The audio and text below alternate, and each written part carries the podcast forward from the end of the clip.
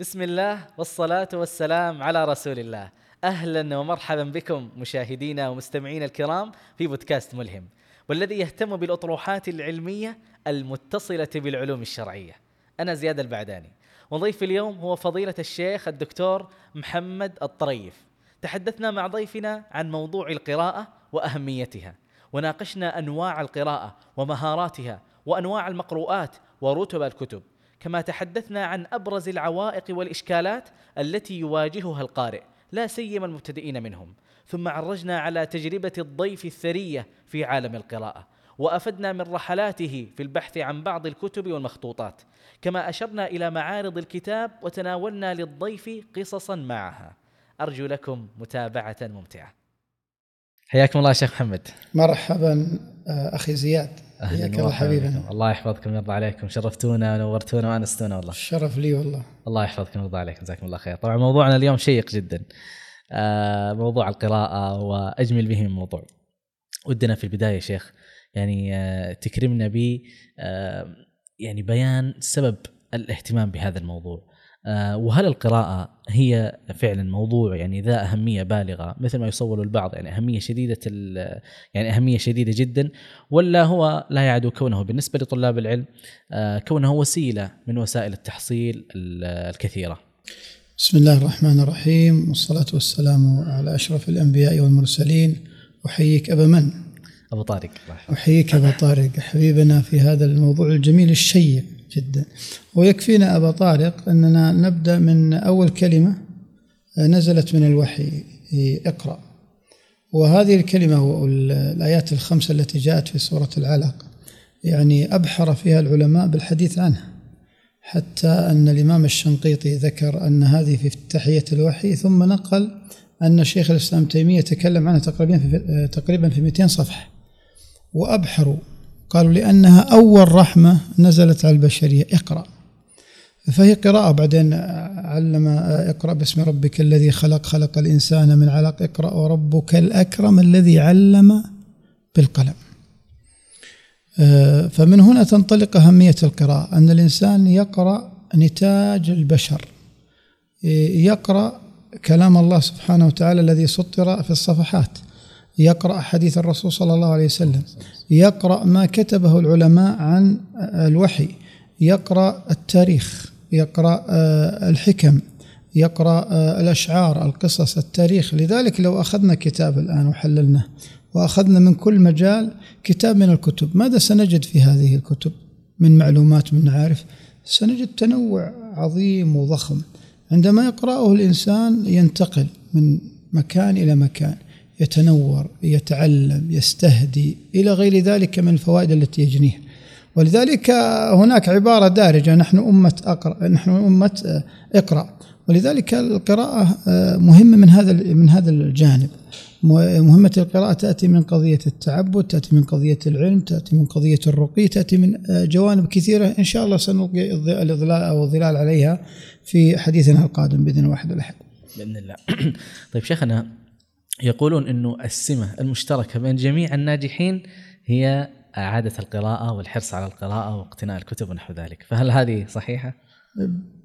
يعني النجاح نسبي ونوعي ابا طارق، يعني في نجاح خيري على مستوى الأعمال الخيرية، في نجاح على مستوى القيادة، في نجاح على مستوى المعرفة، فالنجاحات العلمية اللي تتعلق بالعقل وتتعلق بالمعرفة لا شك أن سبيلها العلم، والعلم سبيله القراءة. يعني حتى ما يجنيه الطالب في الدرس تقريبا هو المفتاحية طلاب الجامعات طلاب الحلق التي موجودة في المساجد هم عندما يجلسون عند الشيخ ويسجلون عن الفوائد هذه مفتاحية العلم. لكن التبحر الاستنارة لا تأتي إلا عن طريق التحصيل والقراءة والتزود والتزود. ومن هنا العلماء النابهين النابغين الأذكياء التي تجد في تحرير كلماتهم روعة ورونق وجمال موسوعية هم المبحرين. الذين أبحروا أو هم المبحرون الذين أبحروا في عالم الكتب. عندما تقرأ شيخ الإسلام تيمية يقرأ ترجمات لأرسطو. عندما تقرأ مثلا البداية والنهاية لابن كثير. أنا منبهر في المراجع التي يرجع لها ابن كثير في البداية والنهاية. مرة من البيهقي في دلائل النبوة ومرة من أبي نعيم في أيضا دلائل النبوة ومرة الخرائطي هواتف الجن ومرة بن عساكر ومرة دلائل النبوة بالرازي ومرة بن إسحاق ومرة بن هشام ومرة كتاب آخر وثالث ورابع وخامس. هذا التنوع هو الذي جعل كتاب تفسير القرآن لابن كثير وكتاب البداية والنهاية حتى الآن وهو يقرأ. إذا هذا النبوغ المعرفي هو الذي خلد هذه الكتب على مر التاريخ. لكننا نقصر النبوغ في كل مجالات الحياة من خلال القراءة يصعب وإن كانت مهمة جدا. التعلم بعموم الكلمة مهم جدا في النبوغ. جميل جدا. أه، طيب إذا حبينا نسلط الضوء على القراءة بالذات ماذا تتميز به هذه المهارة مهارة القراءة عن بقية وسائل التحصيل؟ أو خلينا نقول وسيلة التحصيل العلمي اللي هي القراءة عن بقية وسائل التحصيل العلمي الأخرى السماع التلخيص المذاكرة الإلقاء يعني بقية وسائل التحصيل العلمي. وهو آه، تقريبا لو تتأمل ستجد أن غالب وسائل التحصيل ستعود إلى القراءة. يعني حتى الكتاب المسموع هو مقروء. يقرأ حتى يسمع. آه، وسائل إلكترونية ستعود إلى القراءة أنك تقرأها وتشاهدها. لكن في بعض الأشياء التطبيقية التي تترجم الأشياء النظرية إلى تطبيقية هنا ممكن تختفي القراءة التنظيرية لتطبيق ممارس. لكن كوسائل غالبا التحصيل العلمي يعود إلى قضية القراءة. آه، أنواعها آه، طرائقها كلها هي وسيلة من وسائل التحصيل العلمي. جميل. بعضهم يا شيخ يقول إنه يعني من أسباب ضحالة فكر كثير من الناس أو حتى يعني يعني هذا ملاحظ اكاديميا آه عدم القدرة مثلا على التعبير الكتابة آه هذه يعني تعزى لعلها إلى قلة القراءة عند كثير من الناس آه مما يترتب عليها ظهور هذه الآثار. صحيح. يعني الإنسان عندما يقرأ ويكون صياد صياد للكلمات والمفردات الجميلة صياد إلى الكلمات صياد الكتب التي تسكر شخصيته. أنا أذكر البشير الإبراهيمي خطه آه، وعبارته فخمة. فقالوا من أين استقيت؟ فذكر بعض الكتب التي تربى عليها أظن إصلاح المنطق آه، وكتب الجاحظ وغيرها وكذلك بكر أبو زيد تربى على كتب البشير الإبراهيمي. آه، وكثير ممن عبارتهم فخمة وقوية وتجد أو تجده في بداية عمره تربى على بعض الكتب التي هي عباراتها أو تحريراتها فخمة. ولكن لا يكفي أنك تأخذ كتاب فخم مثل كتب الجاحظ ولا كتب الأدباء المعاصرين مثل الرافع ولا محمود محمد شاكر أو غيرهم من الأدباء الذين حرفهم جميل ورائع. لا يكفي أنك تقرأه وتنهيه وتقول سأكتسب المفردات الجميلة الرائعة، لا ينبغي أن تكون صياد، ينبغي أن تكون رجل راعي ذوق، وهذا الذوق سيعتلي آه، آه، سلما أو يرتقي سلما في البيان. فعندما تقرأ أنت المعلومة هي معلومة أحيانا تأتيك من التفسير والفقه. عبارة عن معلومة خام. لكن قالبها سياقها اللفظي لا بد أن يكون له تدريبات. ولذلك الرسائل التي جاءت بين أبي رية وبين مصطفى صادق الرافعي كان يسأل على قضية النبوغ الكتابي كيف يكون. فكان يقول احبس نفسك في سجن الجاحظ. وكان يقول أيضا عند أيضا استشاره ابني كيف أنمي عنده مهارة التعبير والبيان؟ آه، فقال اجعله يقرأ بصوت عالي ما آه، يقرأه حتى يتربى اللسان على العبارة الفخمة وتنطق نطق جميل. بعضهم يجعل هناك تطبيقات أو تقنيات لقضية آه، الترقي بالبيان اللي هو قضية أنك تقرأ للزيات مثلا وتقرأ الرافعي وتقرأ للجاحظ وتقرأ ابن القيم. ابن القيم في بدائع الفوائد أو في مدارج السالكين وهو يعبر عن محاسن الشريعة الإسلامية. أحيانا تقرأ نص بلاغي في منتهى الروعة. الكشاف وصاحبه الزمخشري. أيضا آه، عبارته فخمة وإن كان في اعتزاليات يحذر منها الإنسان. ولكن العبارات والبلاغة التي هذه تصنع يعني قضية النقد وقضية المقالات البيانية الجميلة يقرأها الإنسان مرة مرتين ثم يغلق ويبدأ هو يحرر كتابيا المعلومات التي لديه حتى لو كان يصف رحلة معينة. آه، قام بها من مكة إلى جدة. لكنه لا يكتبها إلا بالتحرير العربي القوي الرائع. ومن ثم أي عبارة أو أي مسألة فقهية أو أي شيء يريد أن يحرره سيستدعي تلك العبارات وتلك السياق وتلك التراتيب في التقديم والتأخير حتى يصل إلى أسلوب فخم ورائع وجميل. وهذا يقتضي أنك لابد أن تقرأ وتحفظ أيضا. يعني حتى في السير. يعني أحيانا أتعمد أني أحفظ الحدث أو مشهد السيرة بجمال روايته حتى تنسحب العبارات يعني أذكر أبو ذئب الهذلي كان على أشراف المدينة يذكر ذلك السهيلي في الروض الأنف يقول بلغني أن الرسول صلى الله عليه وسلم عليل الآن نحن نطرد أبا طارق حول العبارة الجميلة يقول بلغني أن الرسول صلى الله عليه وسلم عليل وانظر للصياغة اللفظية فبت بأطول ليلة. لا ينجاب ديجورها ولا يطلع نورها بت أقاسي طولها ثم غفوت وقبيل الفجر إذ بهاتف يقول خطب أجل أناخ بالإسلام بين النخيل ومعقد الآطام. قبض النبي محمد فعيوننا تذري الدموع عليه بالتسجام. يقول فقمت فزعا ثم ذهبت إلى المدينة فإذا هي ضجيج بالبكاء كضجيج أهل الحجيج. عندما يمر عليك هذا الموقف بسياقه اللفظي وتتمعن في عبارة الديجور والحندس و ثم بعد ذلك يأتيك موقف مشابه فإذا هذه العبارات تأتي إلى إلى هذا المشهد. وهكذا هذا يعني أن الإنسان الذي يقرأ ويريد أن يجعل من عبارته فخمة ينبغي أن يكون واعيا لتلك المفردات والتراكيب الجميلة. مثل كتاب الثعالبي ثمار القلوب في المضافة المنسوبة وكذا هو يتكلم عن جمال الإضافات. الشيء الذي ينسب إلى شيء. هذا تأخذ منه الذات. آه، الأمثال للميداني تقطف تقتطف خمسة أو ستة أمثلة. بمعنى أنك إذا أردت أن تعبر تستدعي الآية المناسبة تستدعي بيت الشعر تستدعي العبارة تستدعي المثال. المثال يجمل يجمل الصياغة اللفظية. ولذلك عندما نتكلم عن البلاغة وجمالها هذه يحتاج لها إلى مران وتقنيات وكذا وكذا حتى نصل إلى قضية روعة الحرف في التعبير. ولذلك الإنسان الذي يتشبع بالبيان العربي ثم يقرأ محمد محمد شاكر أو يقرأ عبارة ابن جرير في التفسير عالية ولا سيما التخريجات وتطبيقات بعض يكون فيها غموض لا هي عالية. كذلك ابن القيم تستمتع هنا. هنا تجد المتعة في قضية البيان العربي. نعم. يا سلام جميل جدا. آه، يقال أن لعشاق القراءة سطور حول القراءة. ما مثل ماذا هذه السطور؟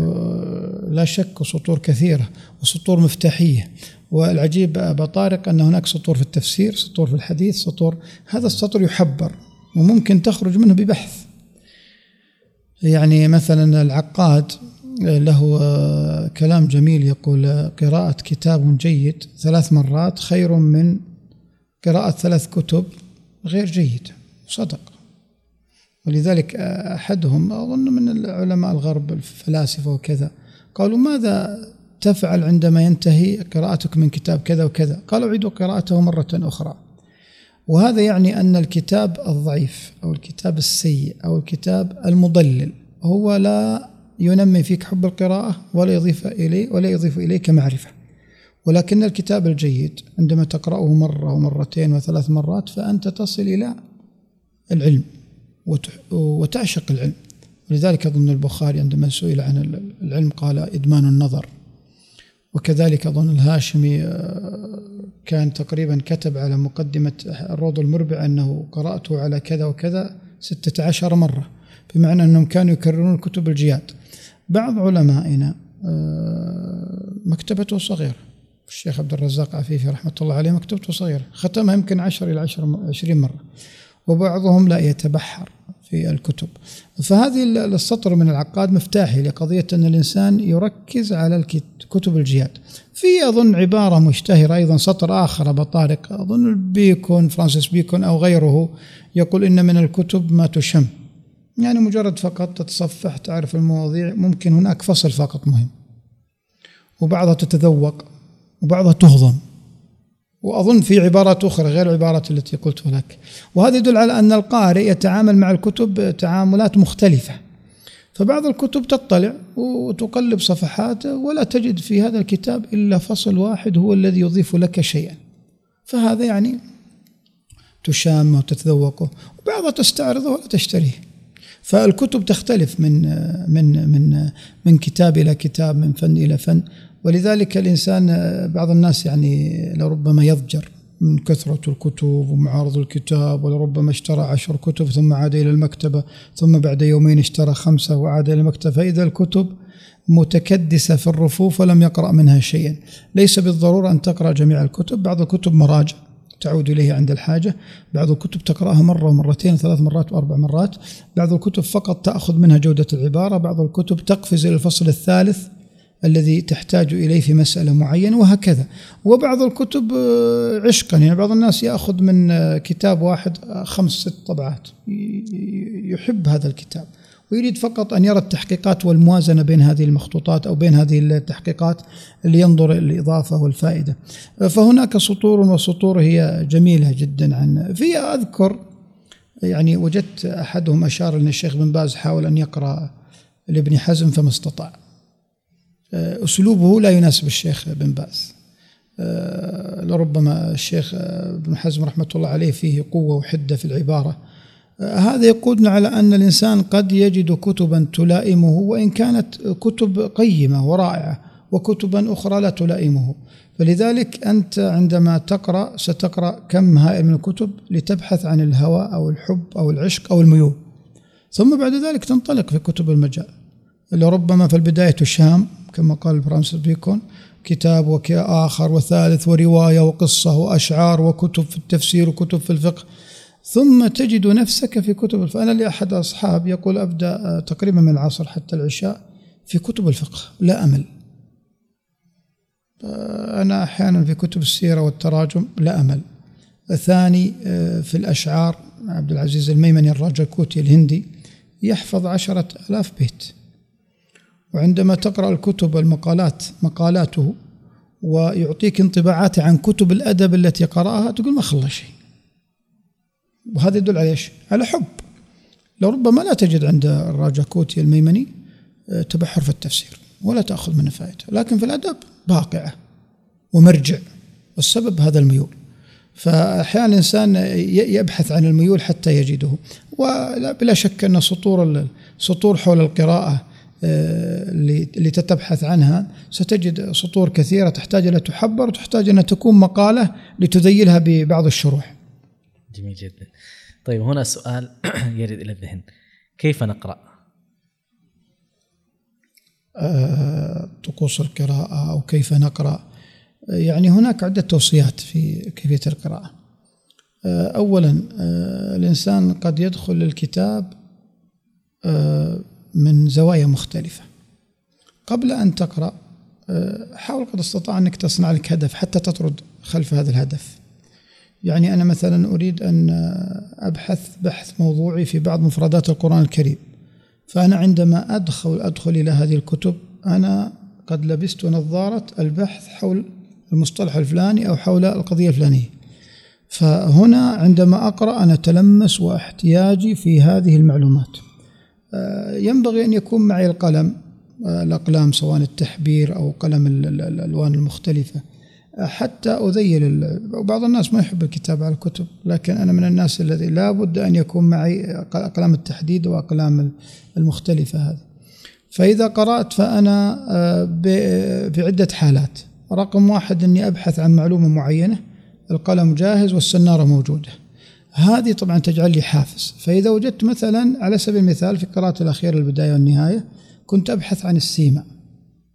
سيمياء الوجه تعابير الوجه في سيرة الرسول صلى الله عليه وسلم لأن تقريبا هذه القراءة السادسة والسابعة لإحدى كتب السير. فأنا أبحث عن فذهب بالوجه الذي فجاء بوجه غير الوجه الذي ذهب به فأشرقت أسارير وجهه.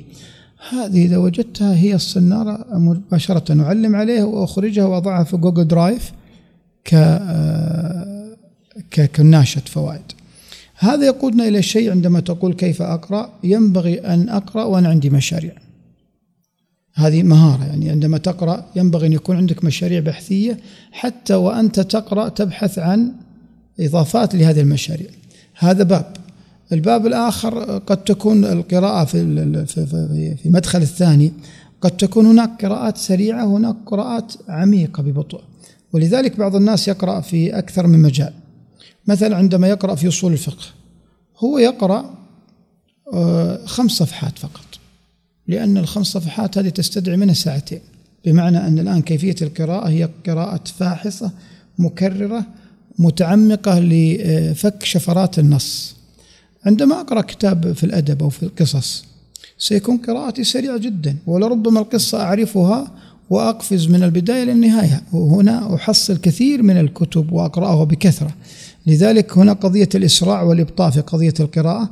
أحيانا تقفز بين الفقرات لأن الفقرة تبين لك ما بعدها. أحيانا هناك أشياء مرت عليك كثيرة فتقفزها. هناك نص يحتاج إلى تحليل رائع تقف عنده تقريبا ساعة إلى نصف ساعة. فهذا مدخل مدخل القراءة السريعة ومدخل القراءة البطيئة كيف تكون متى تكون. ولا شك أن هناك أحوال كثيرة. هناك أنا ما أسميه القراءة الرأسية والقراءة الأفقية. القراءة الرأسية أنك تأخذ حدث نص وتحلله. مثل ما فعل ابن القيم في زاد المعاد مع قصة حاطب بن أبي بلتع عندما هرب معلومات إلى إلى كفار قريش. نص يرد عندنا في بعض المسائل العقدية. لكن ابن القيم عندما تناول هذا النص أبحر معه في خمس صفحات وأخذ يمتح. من هذه القصة فوائد ودرر. هنا أنت تقف لتربي عندك ملكة الاستنباط والقراءة الرأس بمعنى أن يكون عندك آية نص شعري حديث أيا يكن مشهد من مشاهد السيرة وتأخذه لتحلل وتخرج منه في فوائد. هذه قراءة. في قراءة الأفقية الذي أن تبحث آه، فيها خلف الضمائم. أو خلف الأشباه والنظائر. وهذه في كل الفنون في التفسير في الفقه في النحو في الأدب ولذلك في الأشباه والنظائر في النحو في الأشباه والنظائر في المذهب الحنفي في الأشباه والنظائر في المذهب الفقهي في الأشباه والنظائر في القرآن في المقاتل سليمان يعني اللفظة التي يكون لها. في الأشباه والنظائر في الأدب للخالديين كتاب جدا جميل ورائع. فهذا معناه أن الأشباه والنظائر أنها ستكون قراءة استقرائية أفقية. هذا نوع قراءة وهذا نوع قراءة وهذا نوع قراءة. طيب أي القراءات تناسبني؟ أنت ستجد النوع المناسب لك فيما بعد. سيصبح عندك مهارات معينة في القراءة عندما تأخذ الكتاب وتقرأه وتحلله.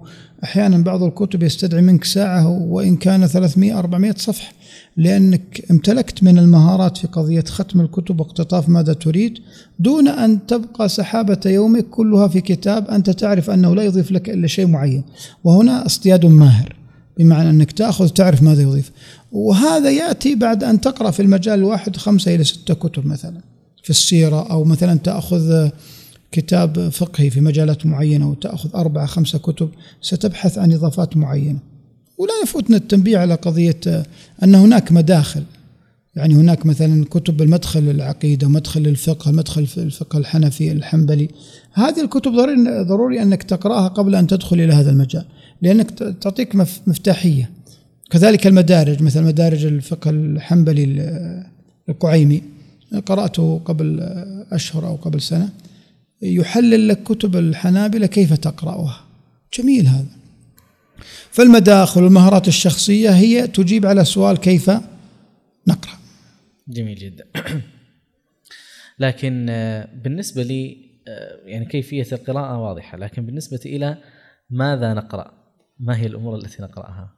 أحسنت سؤال جيد أبا طارق. وصراحة هذا سؤال متكرر وكثير من الناس يأتي إليك ويقول لك أريدك أن ترشدني إلى كتب وتعطيني قائمة. بالكتب التي أقرأها. في البداية لا بأس لكن فيما بعد سيصبح عندك أنت منهجية في قضية اقتناء الكتب حسب التكوين العلمي حسب المهارات حسب أشياء كثيرة هي التي ستقودك إلى إلى إلى الفن. بعضهم يقول اقرأ كل شيء مفيد طبعا. بعضهم يقول اقرأ كل شيء يعني حتى لو غير مفيد وبعدين أنت تحلل لا. الإنسان في البدايات يقرأ لربما كثير من الكتب آه، التي هي في دائرة الكتب المفيدة. ولربما يجد مجال معين يبحر معه. هذه توصية. بعضهم يقول لا يبدأ الإنسان بكتب التأسيس وكتب الأمات والأمهات. فأنت تجد مثلا عندك في علم التفسير آه، مباشرة يأتي كتاب تفسير الطبري وابن كثير والقرطبي آه، وكتاب الطاهر بن عاشور وكتاب الشيخ السعدي والكتب كثيرة جدا هي من الكتب البارزة في هذا المجال.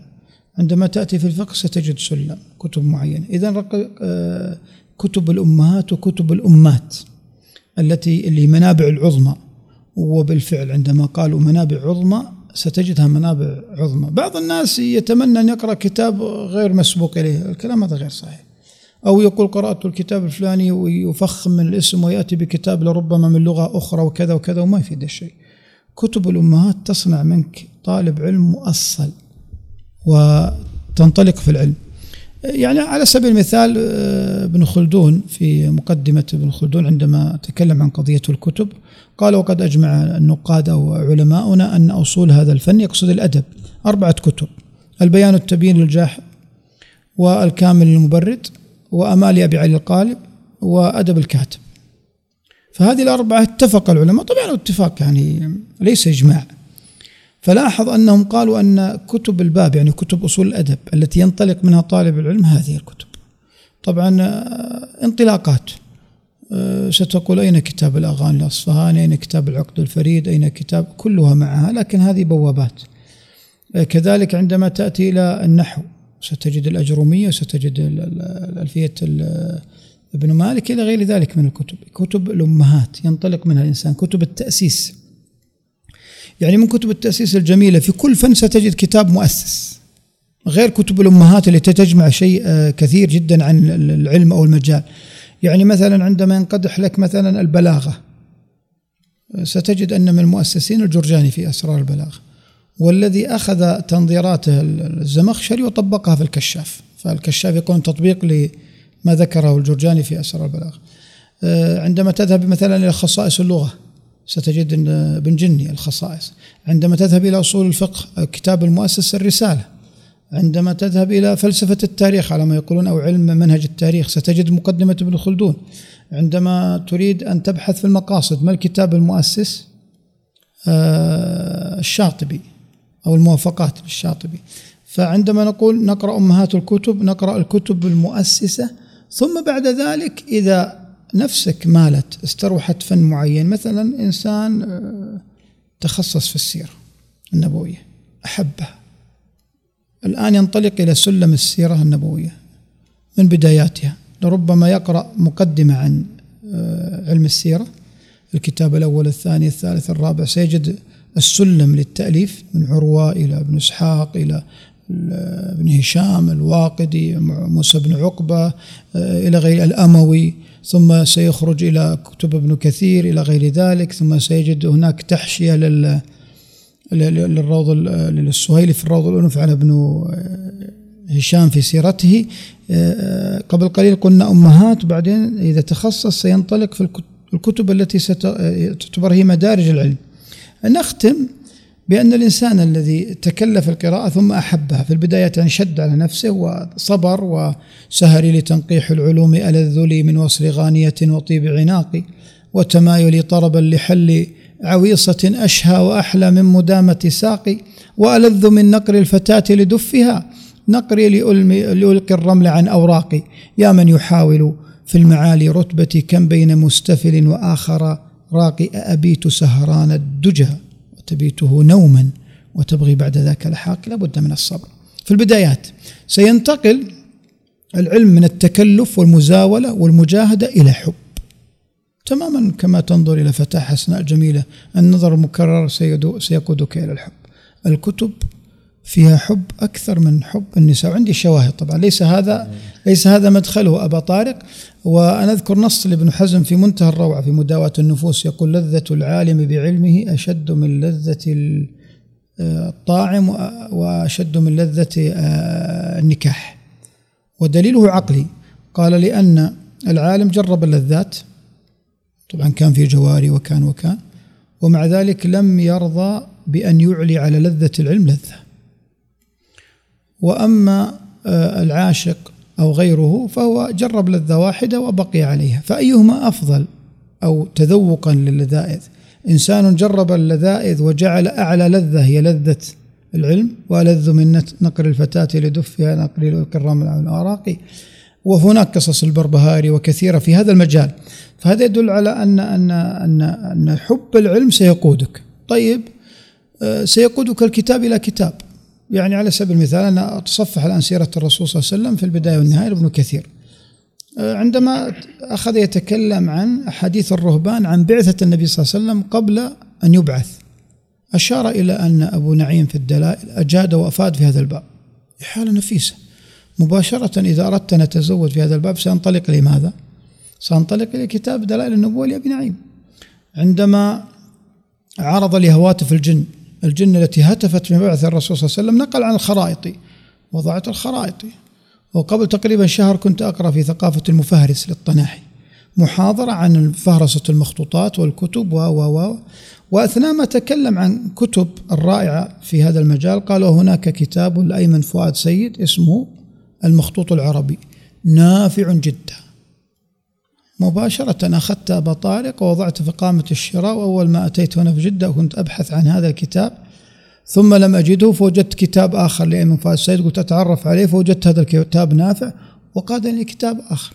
مقالات الطناحي آه، العالم الراجاكوت اليمني آه، الهندي الميمني الهندي آه، في مقالات التي طبعتها دار الغرب. عندما تكلم عن كتب الأدب أخذ يشيد بكل كتاب في فن. أنا محب للأدب. وأحفظ الأشعار على سبيل المثال. فيقول لك خزانة الأدب للبغدادي هذا دائرة معارف حقها أن تكتب في القرن العشرين. أنا أحب الأدب سأقف.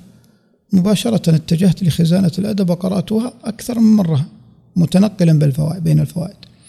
عندما مثلا أقرأ لعبيد الله السقاف العود الهندي وأجده يشير إلى بعض الكتب ثم أجد له كتاب النجم المضي في الرد على عبقرية الشريف الرضي. وعبقرية الشريف الرضي لكتاب لزيد زكي مبارك. يدور الحوار حول أيهما أشعر الشريف الرضي والمتنبي. أنا محب للشعر ما, ما أستطيع أن أجلس يومين ما اشتريت هذا الكتاب والكتاب بالقرب مني. آه، في كتب السيرة في كتب الأدب في كتب التفسير كثير جدا أبا طارق مرت علي وأنا أنغمس في بعض الكتب وبعض القراءات وأنا عاشق للفن. يعني الآن لو دخلتني في بعض المجالات ستجدني أمي بدون مبالغة ودون تواضع ما هو متواضع مني. لكن بالفعل مثلا حبيت كتاب الأدب كتب الأدب والسيرة. ثم وجدت إشادة بكتاب في السيرة في منتهى الروعة مثلا الزهر الباسم المغلطاي قالوا رائع ويحشي على آه، السهيلي في الروض الأنف مباشرة أشتري الكتاب إذا ماذا نقرأ أبا طارق؟ نقرأ الأمهات كتب التأسيس وكتب المجال ستقودك إلى الإبحار في عالمها. وبمعنى أنك ستجد إحالات ستجد إشادة ولا تأخذ إلا إشادة العالم الحذق. يعني مثل الطناحي يقول لك كتاب المخطوط العربي لأيمن فؤاد سيد رائع. وأن تريد أن تبحر في عالم المخطوطات فقط للاطلاع مخطوطات الكتب الإسلامية. أين وجدت؟ في أسبانيا الأسكوريال ولا في برلين و و و و.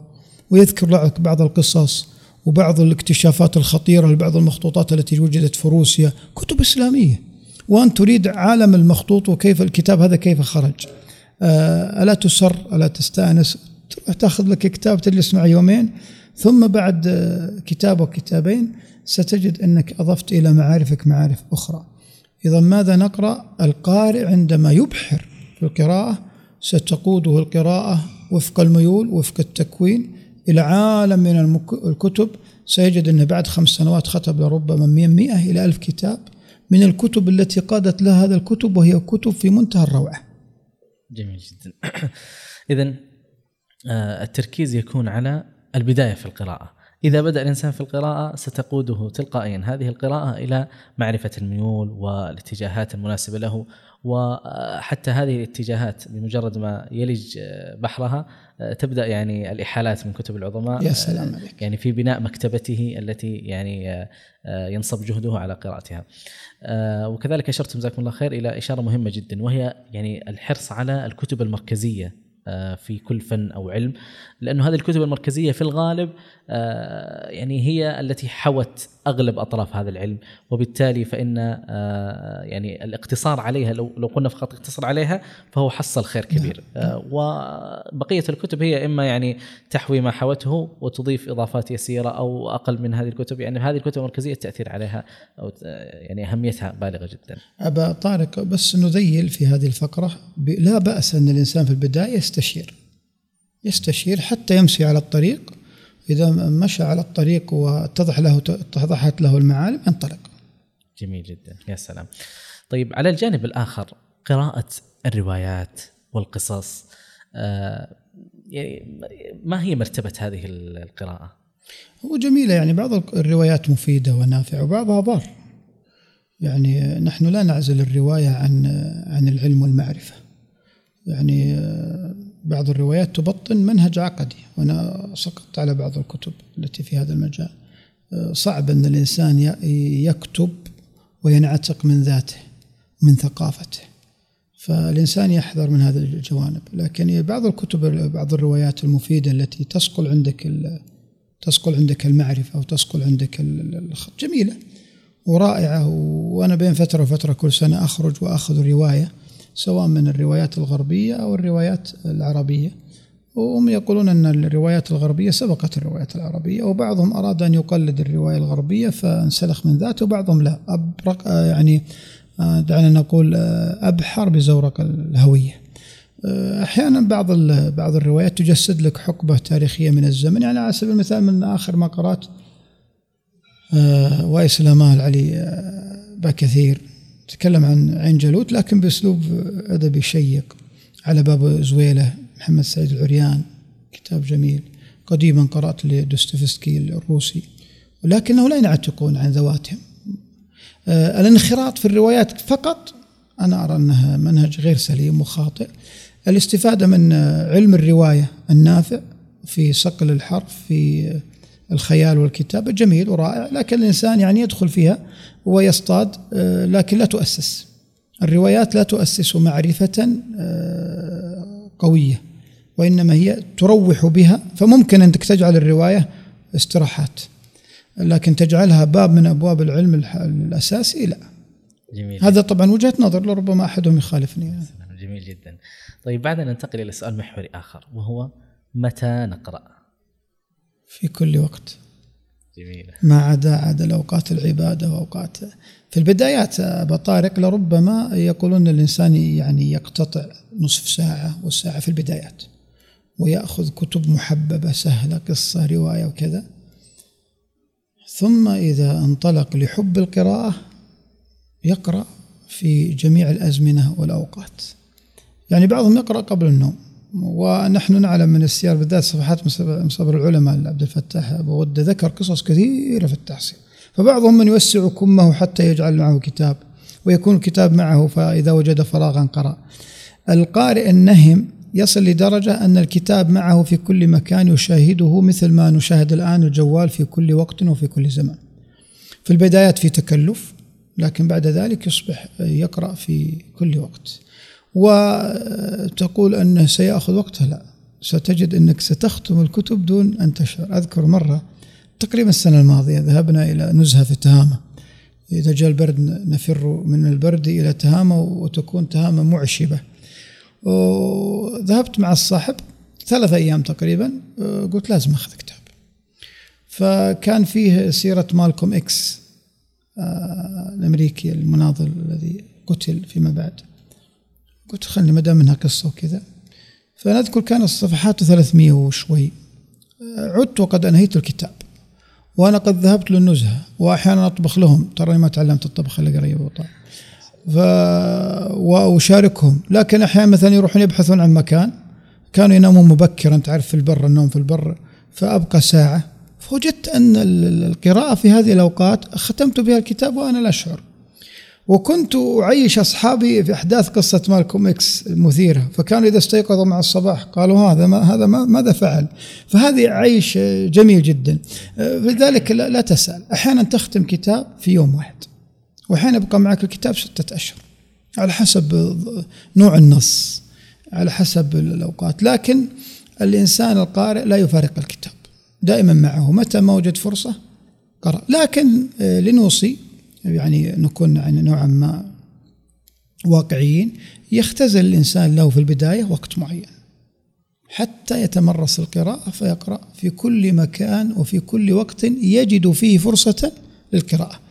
ثم أن الإنسان إذا بدأ في كتاب محبوب لديه ويغذي عنده معرفة ناقصة ستجد فيه آه، سيعيش مع الكتاب حياة الترقب والعطش. ستجد أنه يقول متى يرجع؟ تذكر يمكن نشوف أفلام كرتون أبو طارق إذا كنتم ما يشوف أفلام كرتون. نريد أن نصل للقصة نهاية ماذا حدث؟ ما الذي حدث؟ ونتعطش إلى قضية النهاية. هل قتل الشرير ولا لم يقتله؟ من يتمرس على الكتب المعرفية سيعيش هذا الحدث بدون بكل تفاصيله.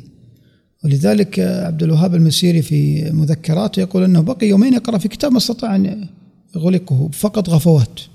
ما استطاع. من من باب حب الكتاب.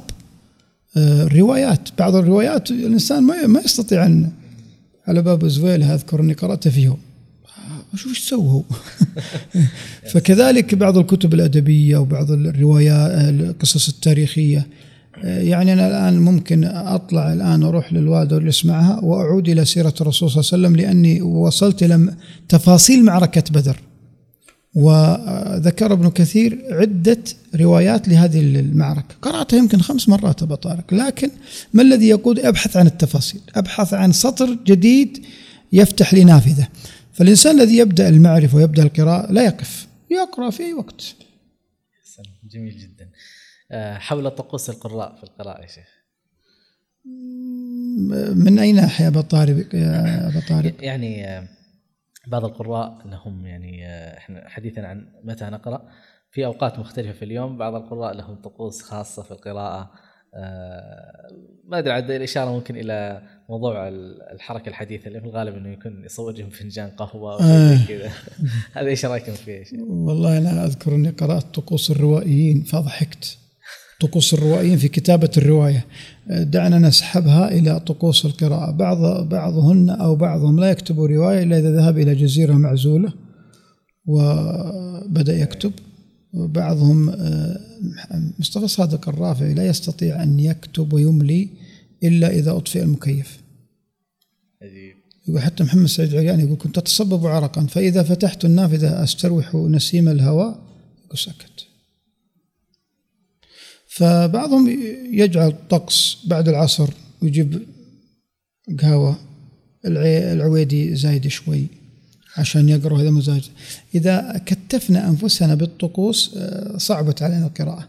آه، الأفضل أن ما يكون لنا طقوس معينة إلا آه، الطقس الذهني اللي هو مثلا أن الإنسان يجعل النصوص الدسمة العبارات الضخمة. أحد بيقرأ الأصول السرخسي أو بعض الكتب الأصول الفقه. يقراه شبعان ومرهق ما يجد ما يستطيع أن يفك العبارة. لكن بيقرأ في تاريخ قصص العرب بيقرأ وبيفهمها. لذلك من ناحية نوعية المعرفة الموجودة في الكتب تحتاج إلى بعض حتى في قضية نظم الشعر عندما التقى البحتري بأبي تمام قال تخير الأوقات التي ينشط فيها العقل. والعجيب أنه أرشده للأسحار. الناس في الأسحار يقومون يستغفرون يقولون انضم الشعر في الأسحار. ولما؟ لأن الإنسان نام وأخذ قسطا من الراحة ثم استيقظ فإذا هو في كامل صفائه وقد ولى التعب. فلذلك تبدأ النفس نشيطة. بعض الكتب تحتاج إلى هذا النشاط. تحتاج إلى أن تكون نشيطا حتى تقرأها بعمق. وبعض الكتب لا.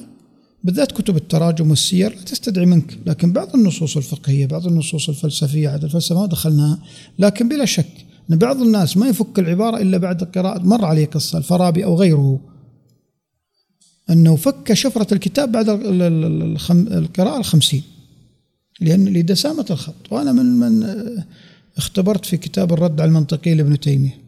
بعض الكلمات لم أفهمها يعني أقولها من واقع الواقع. والسبب أنه كان يرد على المنطقيين ونحن لم نؤسس في المنطق. فهذا مو معقول إنك تقرأ الكتاب هذا وانت تقرأه قراءة عابرة كأنك تذاكر لبعض فترات حقب التاريخ اللي فيها قصص وسرد تاريخي. إذا لابد أن يكون الاستعدادية الذهن والجسم لقضية القراءة ما عدا ذلك الأمر فيه سعه. لكن بعض الكتب عن غير الكتب يعني بعضها دسمة وبعضها تشمها جميل. بس هذا يعني يحتاج في الغالب إنه الإنسان يكون عنده أكثر من كتاب يقرأه. يعني ما ينفع أن يقتصر على كتاب واحد لأنه قد يكون هذا كتاب من الكتب العميقة في التخصص مثلا. فبالتالي ما ينطبق عليه يعني مثل ما ذكرت في البداية إنه يقرأ في كل وقت. لأنه في غالب الأوقات قد ما يكون فيها بالتركيز. أنا آخر ما اطلعت عليه نص لابن رشد أنه كان يقول لا يقول لا تتعلم آه، أكثر من علم في آن واحد. لكن الحقيقة أن الإنسان أو أن هذا الموضوع يختلف باختلاف الأشخاص. يعني من تجربتي الشخصية أنا مثلا أحب التفسير والسير والأدب فهذه معي مباشرة يعني أقرأ هنا وهنا وهنا وجبة وجبة وجبة جزء جزء جزء. أحيانا آه، تكون سحابة اليوم مع السير وأحيانا تكون سحابة اليوم مع التفسير. أجعل هناك آه، مجال الرابع للكتب الحرة. مثلا سقطت واحد أشاد برواية. الطناحي قال لي آه، كتاب المخطوطات اقرأه. أحيانا يخطف الجو لمدة ثلاثة أيام ثم يعود. هذه مؤسسة. ونضيف لها مثلا تسهيل الفقه فقرة رابعة. أحيانا أخرج للرحلات. أحيانا أخرج لكتب الوثائق. أجعلها بند حر لكن الكتب التي أحببتها أو المجلات التي أحببتها هذه ثابتة بالنسبة لي.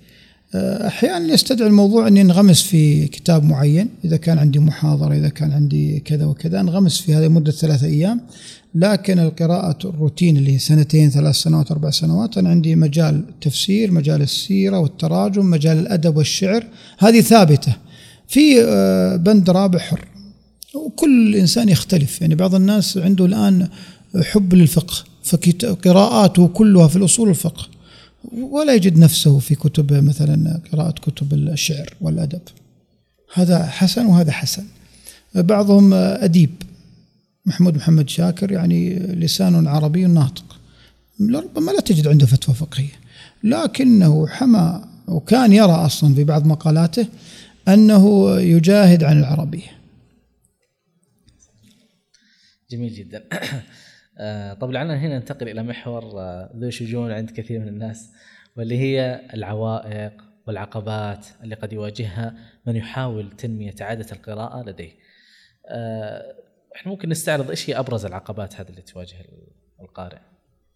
هو الآن اللي يكثر السؤال عدم البدء يعني الناس يتهيبون القراءة عندهم الملل عائق هذا موجود عند كل شخص حتى الذي الآن أصبح قارئا نهما.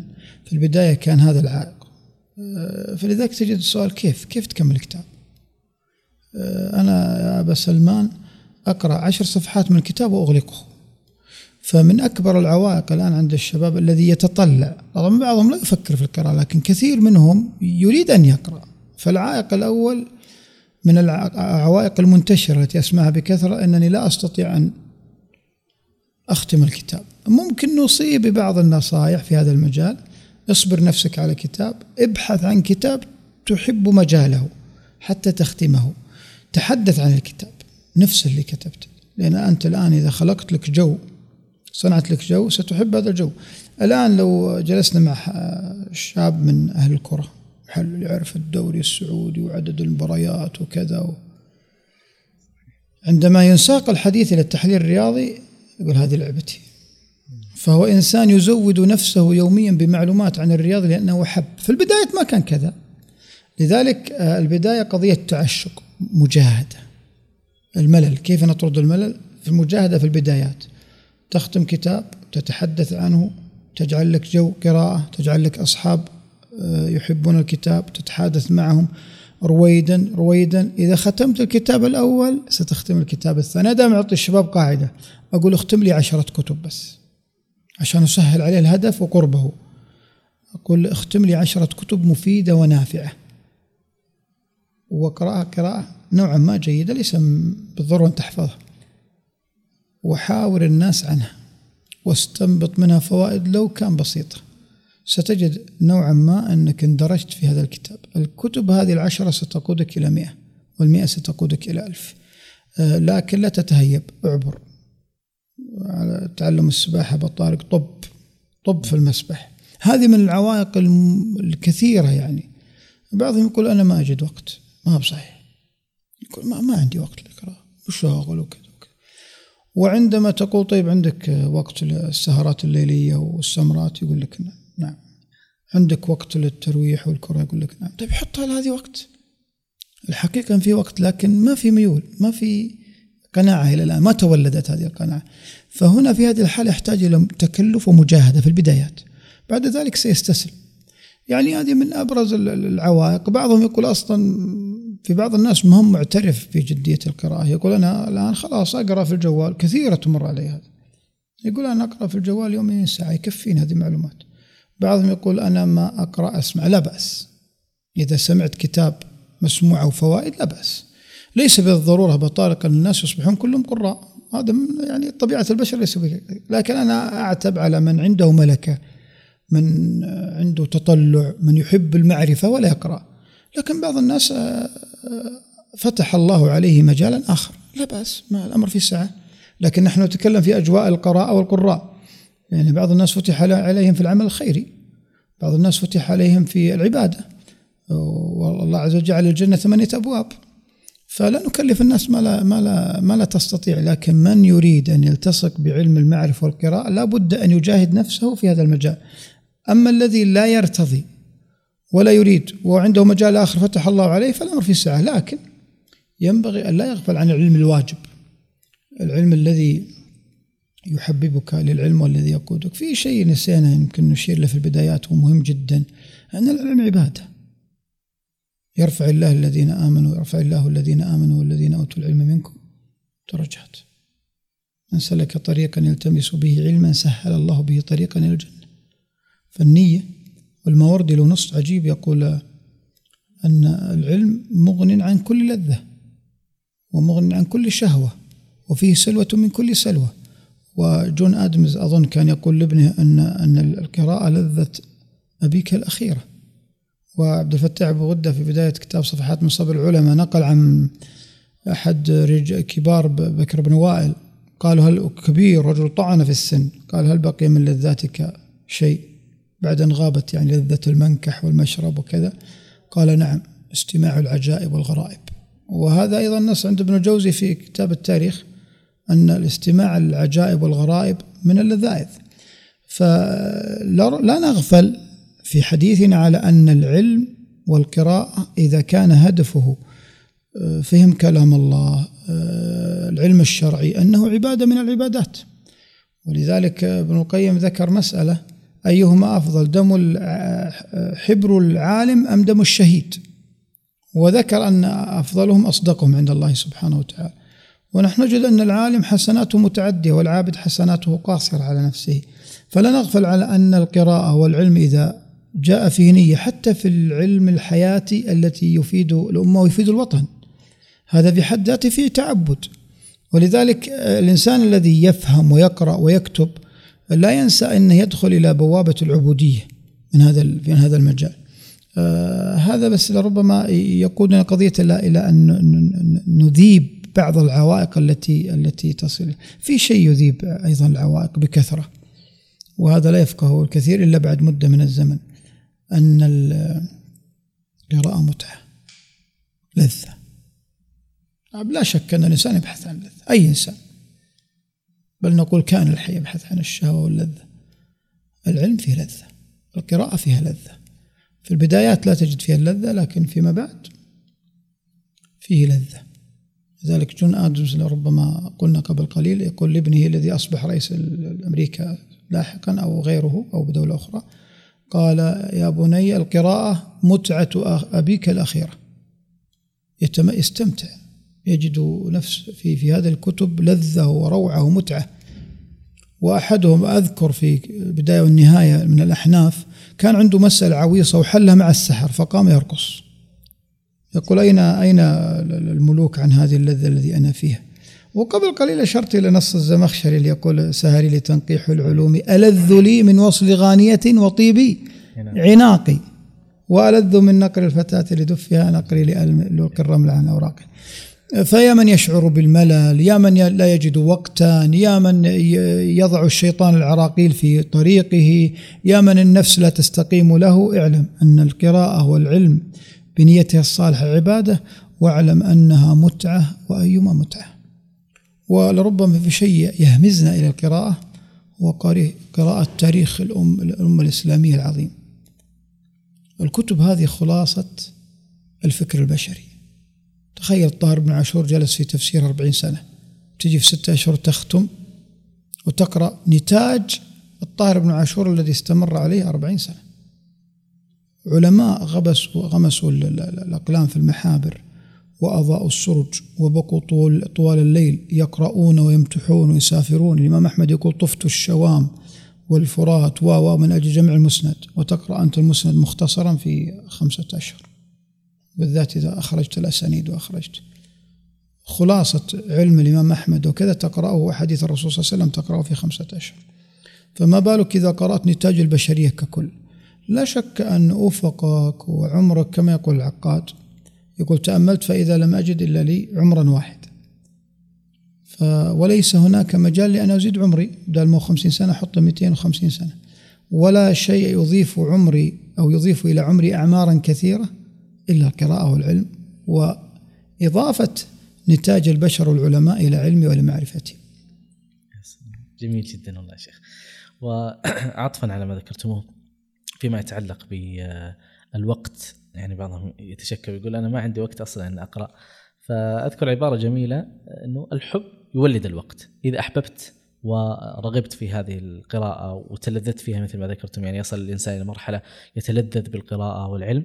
يعني في الغالب هذا الإنسان يوجد الأوقات وليس وقت واحد يوجد أوقات كثيرة في اليوم كانت تروح يعني تذهب في إما تطبيقات التواصل الاجتماعي إما يعني خرجات وروحات ما لها يعني عائد لا ثقافي ولا حتى يمكن ما فيها متعة كبيرة فيوجد لها الإنسان الوقت. آه، أشرت إلى نقطة مهمة جدا وهي إنه كثير من الشباب يعني يشكو عدم قدرته على إكمال الكتاب بعد ما يشرع فيه. وأنا أظن والله أعلم إنه جزء من هذا يعود إلى آه، طبيعة الحياة المعاصرة الحالية اللي تدعو الإنسان إلى التشتت، يعني خلاص عودت العقل أصبح العقل مدمن للتشتت. يعني حتى مثلا تطبيقات التواصل الاجتماعي يمكن لعلها جلها قائم على هذا. التغريدات مثلا. يعني تدخل تغريدة في موضوع محزن بعدها موضوع مفرح بعدها موضوع آه، من العجائب والغرائب. خلاص يعني الإنسان سبحان الله لا يقوى على إنه يركز تركيز تام وقت طويل على أمر واحد. لا كذا كل شوي لابد إنه يتغير. آه، أذكر واحد كان يقول إنه آه، يعني أنا أجمل يوم قراءه في حياتي لما تركت الجوال في السيارة وقفلت عليه ورحت البيت. كل شوية لما أنا قاعد أقرأ أتحسس جيبي يعني تلقائيا أجد أفتكر الجوال في السيارة فأكمل القراءة. فتشتت يعني لعله من أبرز العوامل التي تسبب عدم القدرة على الاستمرار والتركيز في الكتاب إلى أن ينتهى منه.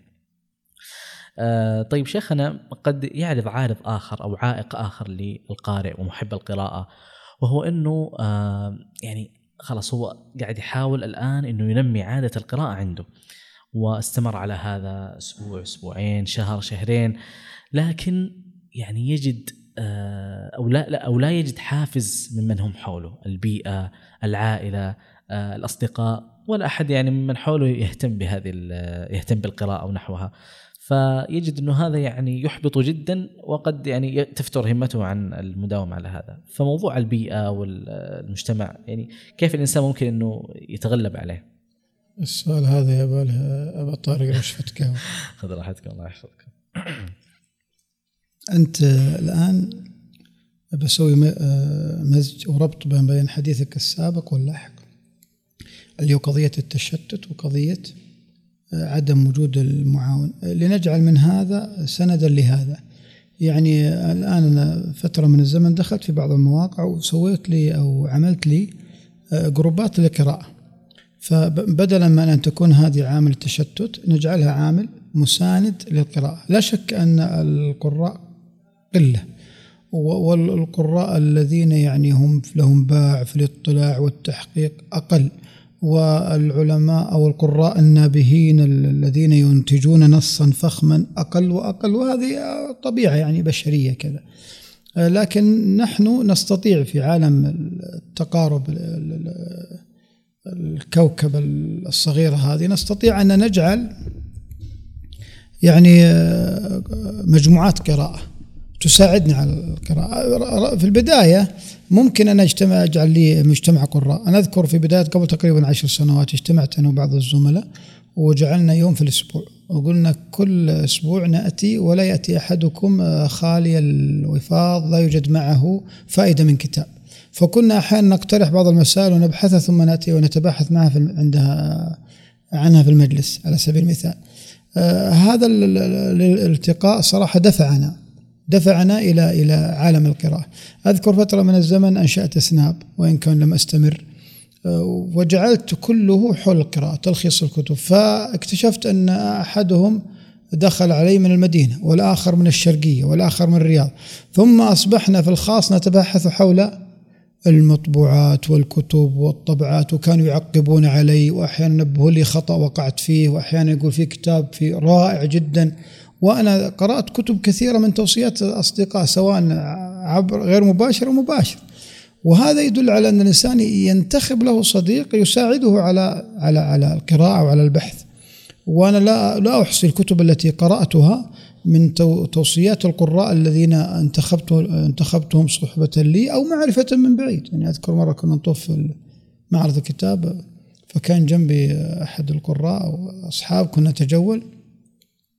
فقال يا أبا سلمان كان قدامنا كتاب عائشة أم المؤمنين سليمان ندوي فقال لي يا أبا سلمان لو لم تأتي من تربة إلى معرض الرياض الكلام ذا قديم قبل ثمان سبع سنوات. لو لم تأتي من تربة أو تربة بالفصيح إلا من أجل هذا الكتاب لكفى اشتريت منه ثلاث نسخ. وكان في واحد شاب من الإمارات وهديته. قال لا هذا هدية من بواكير القراءة. لم أقرأ كتاب إلا بعد ثلاث أربع سنوات لكن لا زالت العبارة تطن. هذا الصديق الذي سحبني. لاحظ الصاحب ساحب حتى في القراءة. فقرأته ولخصت عنه أيضا معلومات في حلقة إذاعة نداء الإسلام في برنامج سياحة قارئ. فالصديق فأنت إذا شعرت أن ما في حولك من القراء من يساعدك الآن عن طريق التطبيقات وفي مجموعات الآن لختم الكتب في آه، مجموعات لدلني على كتاب في مجموعات كثيرة انتشرت. في الآن في اليوتيوب آه، مواقع ترشدك للجميل من الكتب يلخصون الكتب. فأنت اصنع لك جو من خلال التقنية التي ذكرت أنها مشتتة قبل قليل. اصنع لك جوا من القراء والأصحاب الذين يساعدونك في القراءة والبحث حتى تمسك إن شاء الله أو تسير على الطريق. جميل. آه، استذكرت أيضا آه، عائقا يعرض لي عدد من القراء وهو يقول أنا قرأت الكتاب وحرصت إني ما يعني أترك هذا الكتاب إلا بعد ما أتمه كاملا. لكني بعد ما أتميت آخر صفحة من الكتاب استعرض ما وجدت إني استفدت من الكتاب يعني استفادة حقيقية. يعني ممكن إني ما أذكر حتى إيش المعلومات اللي اللي قرأتها ومرت عليها في هذا الكتاب. فهل هذا الشعور يعني هو شعور صادق حقيقي ولا لا يعني اعتريه ما يعتريه؟ هو طبيعي ترى أبا طارق أن الإنسان يختم كتاب ولا يستذكر منه شيئا ونحن لا نمتلك ذاكرة، بعض الناس عنده مهارة والله وهبه قضية الحفظ و لكن طبيعي جدا أنك تقرأ ولا تجد من الكتاب شيئا. لكن سنشير لعده قضايا، القضية الأولى لا تتوقع أن كل ما في الكتاب لم يهضم. لا يوجد منه من تشبعته أو أثر فيك أو رق فيك دون أن تشعر. لذلك هو كالمطعوم الذي أكلته ثم استحال إلى شيء آخر ولكنه نمى جسمك. فكذلك الكتاب عندما تقرأه وتهضم ما فيه من معرفة هو يرتقي بعقلك دون أن تشعر. ولذلك فكرك يكون مختلف وكذلك عبارتك ستكون مختلفة عبر الزمن. هذا الشيء. الشيء الثاني آه، قد تظن أنك ما استوعبت شيء من الكتاب. لكن عندما يأتي الحديث مع أبي طارق مثلا ثم ينجر إلى قضية معينة مباشرة الذهن يربط بمعلومة قرأتها قبل تقريبا خمسة أو سنة في كتاب تقود إلى هذا الشيء سواء استذكرت المعلومة كاملة بتفاصيلها أو إشارة. هذه بحد ذاتها جيدة. رقم ثلاثة أحيانا نحن ما نقرأ وما عندنا هدف. نقرأ حتى نقول أننا قراء. لا. هذا بالفعل لن نجد من القراءة فائدة لكن عندما أقرأ وأنا أبحث وعندما أقرأ وأنا الجوال بيدي قد فتحت تقريبا ملف في الجوجل في Google Drive عن السيرة عن الكناشات الأدبية. أي شيء أجده أرسله إشارة أو كتابة. بعد تقريبا خمس سنوات سأجد عندي آه، كم هائل من المعلومات. أنا أذكر في عام 2015 ليش قلت 2015 أرخت بالميلادي لأن Google Drive يؤرخ بالميلادي. آه، قرأت قصة ذكرها الطناحي طريفة عن تصحيف بنقطة. يعني آه، صحفت نقطة فكان من هذا النقطة جريمة. فقلت عجيب أثر هذه النقطة. يعني تخيل كلمة بدل ما هو خاء صارت حاء وأصبح من هذه القصة جريمة أو جناية. قلت عجيب ما تفعله هذه النقطة. فكان من همي الآن أبا طارق أنني أي تصحيف أو بيت شعر جاء فيه خلاف بين العلماء بسبب نقطة أن أضيفه إلى هذا الملف. ما تتخيل وصلت تقريبا ل 60 إلى 70 صفحة. كلها أي حالات عن النقطة أصغر شيء في العلم ومع ذلك وصلت الإحالات عن قصص تصحيفات في أسماء أماكن في أسماء علماء خلاف في فهم بيت بسبب تصحيف في نقطة. جناية وقعت بسبب نقطة. أشعار اختلف معناها بسبب نقطة. علماء نقطة. الآن أنا عندي هدف للقراءة. فعندما أدخل بمشاريع كثيرة هذا الكتاب الذي قرأته ولم أخرج منه إلا بثلاث فوائد يكفيني. فالآن يزول تدريجيا أنني أختم الكتاب ولا فائدة فيه بل يصبح الكتاب بالنسبة لي مفيد جدا. السبب؟ لأنني أقرأ وأنا على وعي بماذا أريد. أنا عندي مشاريع مثلا في تفسير كلام الله سبحانه وتعالى. أن أجمع روائع كلام العلماء في فك معاني كلام الله سبحانه وتعالى. وابن مسعود يقول من أراد علم الأولين والآخرين فليثور القرآن. وتثوير القرآن استخراج ما فيه من معاني. طبعا هذا هدف. أجد نصا لابن القيم في البدائع ولا أجد عند البقاعي ولا أجده عند الطاهر بن عاشور. إذا أجمع. الآن تصبح القراءة كلها مشاريع. ولا تستصغر شيئا. من النقطة حتى فهم الكتاب حتى التفسير حتى السير إلى غير ذلك. آه، قرأت كتابا ما استفدت منه شيئا أحيانا لربما أخطأت الاختيار. إذا عندنا عدة توصيات. تحسن الاختيار لا تظن أنك ما فهمت شيء حاول قدر استطاع أن تنتخب فوائد. بعضهم حتى يقضي على هذا الشيء يجعل له أوراقا. بعض الأصحاب يقول أجعل معي ثلاثة أوراق. ألخص في هذا الكتاب. كل ما فيه جميل وضعته في هذا الكتاب ثم آه، ألصقتها أو بالدباسة يدبسها في الكتاب ويضعها. الكتاب هذا لا أريد منه إلا الثلاث أوراق التي استخرجتها بعد تقريبا خمس سنوات هذه الخلاصات هي عصارة ما يريده من هذه الكتب. خير كثير. لو لم تعرف من الكتاب إلا عنوانه وماذا يبحث وفصوله هذه بحد ذاتها تعتبر مف... آه، آه، معرفة جزئية ستبني غيرها مع الزمن. جميل. جميل جدا. وممكن أن الواحد يعني يلاحظ هذا الشيء من نفسه في أيام الاختبارات آه، يعني بالنسبة للدارسين ممكن أنه يكون في يعني مقرر معين يدرسه شخص هذا الدارس يدرسه دراسة وينتهي منه ويغلقه. وإذا يعني ذكرت مثلا استعرض لي آه، مثلا آه، المحاور التي ذكرها هذا الكتاب أو نحو ذلك قد ما يستطيع انه يستذكرها مباشرة. ولكن إذا جاء في وقت الاختبار وسئل مثلا عن محور من هذه المحاور فهو يعني تبدأ استثارة الذهن لهذه المعلومات التي قرأها يبدأ يكتب. وممكن بعدين لو يعني يعني هو يتفاجأ من نفسه إنه أنا معقولة هذه كلها كنت عارفها كلها يعني تخزنت في ذهني. فيعني مثل ما تفضلتم به الإنسان قد يقرأ شيئا وتخزنه الذاكرة وعندما يأتي المثير الذي يستثير هذه المعلومة تبرز هذه المعلومة إلى الخارج إلى السطح. وهو في سابق امره كان يظن إنه لا إنه ما استفاد وإنه ما حصل هذه المعلومة. كلامك جدا جميل أبو طارق. هذا يقودنا إلى أن بديعي خلق خلق الله عز وجل وصنع الله في العقل. العقل البشري ترى ما استنفذنا من طاقاته إلا الشيء البسيط. فلو استغليناه في في القراءة في البحث في التصنيع في غير في مجالات الحياة الدنيوية النافعة ستجد شيء جميل ورائع. آه، عندنا طاقة وعندنا مخزون وعندنا عقل يربط ويحلل ويستذكر. لكن الاستفادة منه قليل. نحاول أن ننشطه بالقراءة نوعا ما. جميل. سبحان الله. ولعل شيخنا يعني آه، أظن أنا والمستمعين كلنا متشوقين نسمع يعني آه، تجربتكم في الدخول لعالم القراءة. كيف كانت؟ هل يعني تذكرون لنا طرف منها؟ آه، هو أخي أبا طارق آه، أنا لا أعد نفسي وهذا ليس تواضعا لا أعد نفسي قارئا نهما.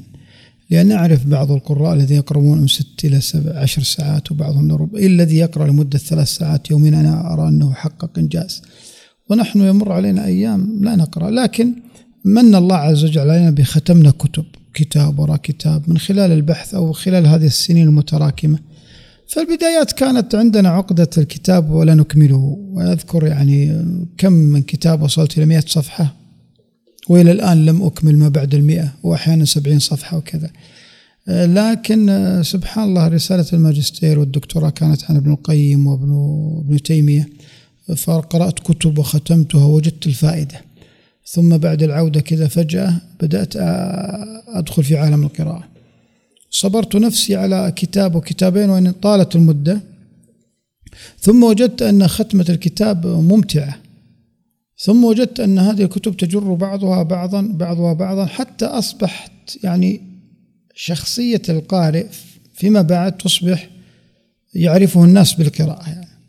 فأصبحوا ينتظرون منه الجديد منه المفيد منه كذا وكذا وكذا. فأصبحت أختم الكتب التي حبب إلي مثل عالم التفسير. ختمت كتب وأخرجت منها مذكرات. يعني على سبيل المثال في التفسير أنهيت من كتاب أضواء البيان قبل تقريبا عدة سنوات. فحتى أستفيد من أضواء البيان جعلت استخرجت من عشر مذكرات. مذكرات مثلا لأساليب العرب مذكرات للمفردات مذكرات مثلا في الاستقراءات التي استقرأها الإمام الشنقيطي. آه، بعد مدة أصبحت إذا تكلمت عن معلومات من أضواء البيان أجدها حاضرة بسبب هذه الملخصات. ثم فعلت ذلك مع ابن كثير. ثم بدأت في كتب الأدب. آه، ختمت الأربعة ما عدا أدب الكاتب لم أكمله. البيان والتبيين والكامل وأخذت منه قصاصات. وصار عندي في Google Drive ضمائم أدبية. بعد مدة من الزمن الزمن أصبح هذا التراكم المعرفي وهذه الكتب تجر بعضها بعضا. آه، ولا يفوتني يا أبا طارق أن أخبر بشيء يعني. وهذا ينبغي أن يست يعني يتنبه لكل قارئ كل طالب علم كل محاول لتحقيق هدف. أن من أسماء الله سبحانه وتعالى الأول ومن أسمائه الفتاح ومن أسمائه العليم ومن أسمائه المنان من أسمائه الحكيم. ونحن نعلم أن كما قال ابن القيم أن من أقرب الطرق للتعبد إلى الله عز وجل التعبد لله بالأسماء والصفات. وإذا كان هناك باب مغلق فإن الله يفتحه من حيث لا تشعر من حيث لا تدري ولا تدري كيف فتح. وإذا استنزلت التأييد أو الحب من الله الكريم المنان الفتاح العليم ستنفتح لك أبواب كثيرة. لذلك الآن لربما الآن مثلا في قرأت نفسي أنني ما أستطيع مثلا أني أتضلع في كتب الحديث وعلم الإسناد بالنسبة لي عالم يعني صعب وكذا. لكن الفقه على سبيل المثال البضاعة في مزجة. وقرأت كتب قديمة والآن كلما أقرأ كتاب لا أنهيه. هذه تجربة خاصة. وكل ما قالوا الكتاب الفقه هذا رائع مباشرة أذهب وأقتنيه وأشتريه وأقرأ تقريبا وأفهم وأفهم ما أقرأ ولله الحمد. إلا في النادر يعني. لكن عشر عشرين صفحة؟ ولا أكمل. بخلاف كتب التفسير التي ختمت كتابا تلو آخر بخلاف كتب السير بخلاف كتب الحديث أقرأ جردا كتب الأدب. طيب هذا ما فتح. وكذلك النحو التعمق فيه ما فتح. في بعض المجالات ما فتحت. الآن كل مرة أقول اللهم افتح لي. يعني ولا ولا ولا يرى الإنسان أنه فتح له في علم التفسير لكنه قرأ على الأقل وأخرج ببحوث ومذكرات وكذا وكذا. فلذلك نحن ينبغي أن ننطلق من أن الله اسمه الأول فأول كل شيء منه سبحانه وتعالى وأنه الفتاح يفتح المغاليق وأنه المنان الذي يمن عليك. فأنت دائما ترفع يديك إذا أحببت شيئا والعلم بحر واسع من الحسنات. بوابة ضخمة جدا جدا جدا من الحسنات.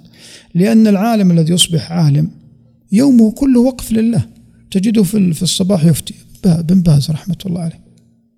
يومه كله لله والسبب أنه عالم. صبر على العلم. حياته كلها أصبحت لله. يفتي ويؤلف ويجيب على الأسئلة ويستقبل ويحرر ويرد على مسائل الطلاق و و و فهو بوابة حسنة. طيب أنا أريد أن أتقرب إلى الله. والعلم باب واسع إلى التقرب إلى الله عز وجل. طيب ماذا أفعل؟ أدعو الله. والله كريم. لذلك من أسماء الله الفتاح من أسمائه المنان من أسمائه العليم هو الذي يعلم وهو الذي يفتح لك المغاليق وابن ابن تيمية كان يغلق عليه بعض المسائل وكان يقرأ تقريبا مئة تفسير ولا يجد شيء يطمئن له النفس. فيمرغ وجهه في التراب ويقول يا معلم إبراهيم يا فهم سليمان ويدعو ويدعو حتى يفتح له هذه المسألة فنحن نسأل الله أن يفتح لنا مغاليق العلم لأن كل شيء مفاتيح بيد الله سبحانه وتعالى نسأل الله ونلح عليه أن الله يفتح علينا ونصبح من علماء الربانيين الذين يعملون بما يتعلمون. اللهم آمين يا رب. طيب شيخنا في أثناء القراءة لأي كتاب من الكتب ما هي الوسائل التي تساعدني في تحقيق أفضل استفادة من هذا الكتاب المقروء؟ أنا أوصي بشيء واحد ابو طارق المشاريع مشاريعك جاهزة. خلي أهدافك جاهزة. اقرأ وعندك مشاريع في السيرة في القرآن و و و حتى تدخل وأنت تريدها. لا تقرأ من أجل القراءة لا اقرأ وعندك مشاريع بحثية اقرأ وأنت تطرد وراء أهداف اقرأ وأنت تريد شيء معين. وعلى فكرة المشاريع البحثية ستتولد من القراءة. آه، يعني مثلا القراءة الأولى سيرة النبي صلى الله عليه وسلم خرجت بمشاريع القراءة الثانية خرجت مشاريع أخرى القراءة الثالثة خرجت مشاريع. فالشاهد أنك اقرأ ببوابة المشاريع ونافذة الطرد وراء المعرفة والعلم. بعد مدة من الزمن تجد نفسك متشبع ولا تستطيع أن تتوقف. حياتك في يعني لو أصبحت حياتك كلها نزهة وعلى شاطئ وعلى نهر لا تجد المتعة إلا فترة من الزمن ثم تعود إلى الكتب. ولذلك آه، سألوا قديم النص قديم هذا عن متنزهات الدنيا. فقالوا صغد سمرقند وغوطة دمشق وكذا وكذا. فقال أحدهم أين أنتم عن ابن قتيبة؟ وعن وعن وعن. هذه متنزهات الدنيا. آه، فلذلك نقول أن الإنسان نعود إلى سؤالك يا أبا طارق ما هو؟ اللي هي أفضل الوسائل اللي تساعدني في آه المشاريع. أتكلم عن المشاريع. أن الإنسان يكون عنده مشاريع. مشاريع جاهزة يقرأ من أجلها وينتج ويعلم. الآن أنا لو خلصت مثلا انتهيت لنفرض نموذج مصغر يحبب المشاهد إلى العلم. أخذت كتاب الرحيق المختوم المبارك فوري سيرة الرسول صلى الله عليه وسلم سيرة أعظم رجل. أريد أن أقرأ سيرة الرسول صلى الله عليه وسلم. أريد أن أخرج يعني بعشر فوائد دقيقة وعميقة وأحدث الناس عنها من خلال هذا الكتاب. ختمت الكتاب وجدت مشهد بيعة الرضوان بيعة العقبة الثانية مشهد المقداد بن عمر عندما استشار الرسول صلى الله عليه وسلم وقال والله لا نقول لك كما قالت. هذا مشهد خط فقط عشرة مشاهد من سيرة الرسول صلى الله عليه وسلم. آه، مشهد آه، الأنصار والرسول صلى الله عليه وسلم بعد فتح مكة. مشهد بلال وأمية بن خلف مشهد الهجرة مشهد البيوت الخاوية التي هاجر أصحابه عشرة مشاهد. ثم أخذت أحدث الناس وأنقله إلى أبنائي وأصدقائي عن عشر مشاهد في مبارك فيه. من المبارك فوري انتهيت. فقط. الآن هذا الشيء هذا المشروع جعلني أنتج وأحدث الناس. طيب قد تقول لي أبو طارق آه، تقول لي أبا سلمان آه، لا أجيد الحديث. لا أجيد مواجهة الجماهير سجل بصوتك وأرسل. آه، لا أجيد كذا اجعله وفيما بعد تعلم مهارة الإلقاء ومهارة العرض على سبيل المثال. طيب انتهينا من عشر مشاهد من سيرة الرسول صلى الله عليه وسلم وحفظت تقريبا من الأسماء التي مرت في السيرة خمسة أسماء جديدة. سواد بن غزية الذي ضرب الرسول صلى الله عليه وسلم فقط. ثم خرجت بكتاب في الحديث خرجت منها بعشرة أحاديث فقط. ثم خرجت من كتاب ثاني. هذه المعارف أصبحت هي من تكوين المعرفة العقل التي ألقيها بين الناس. في سبيل أيضا في المقابل والله حفظت قصيدة المتنبي لكل امرئ من دهره ما تعود وعادة سيف الدولة الطعن في العداء حفظت من عشرة أبيات هذه الأشياء لا تكلف شيئا ومع ذلك هي مدح ونتاج للقراءات. هذا الإنتاج وهذه القراءة وهذا العطاء الذي هو ببساطته شيء بسيط بعد مدة من الزمن مع التراكمات ما تقف أنت. ستجد أنك تريد المستزيد المزيد. وعادة المعلومة الجميلة الرائعة القوية تأخذ أختها. لذلك ادخل بمشاريع. ادخل بأهداف وستنطلق إن شاء الله وستصل. طيب ما هي الأهداف؟ حط لك عشرة أهداف. وانطلق ستطرد خلفها إن شاء الله. جميل جدا. آه لكل آه يعني أهل فن أو أناس لهم مواسم. وأظن إنه أجمل موسم للقراء هو هي معارض الكتب. فبداية يعني بالنسبة لحديثنا عن معارض الكتاب هل آه، زيارة معارض الكتب هي تناسب جميع طبقات القراء ولا هي لا تناسب طبقات معينة دون أخرى؟ هي معارض الكتاب آه، جمالها أنها تأتي لك ب 700 أو 1000 دار تحت سقف واحد بغض النظر عن قضية الأسعار والموازنة فيها بغض النظر عن قضية بعض الزحام لكن هذه ميزة معارض الكتاب. فالإنسان الذي مثلا عنده حب وتطلع للقراءة فيجد التنوع الكبير من دور النشر وحتى لو دخل بلا شراء هو إنسان قارئ. نحن الآن نفرق بين القارئ المبتدئ وبين القارئ الذي عندما يأتي مثلا دار القلم سيجد الجديد لا حتى لو لم يشتر. عندما يذهب إلى دار المعارف مكتبة الرشد ابن الجوزي سيجد الجديد عندهم سيجد مطبوعات تضيف إلى معارفه.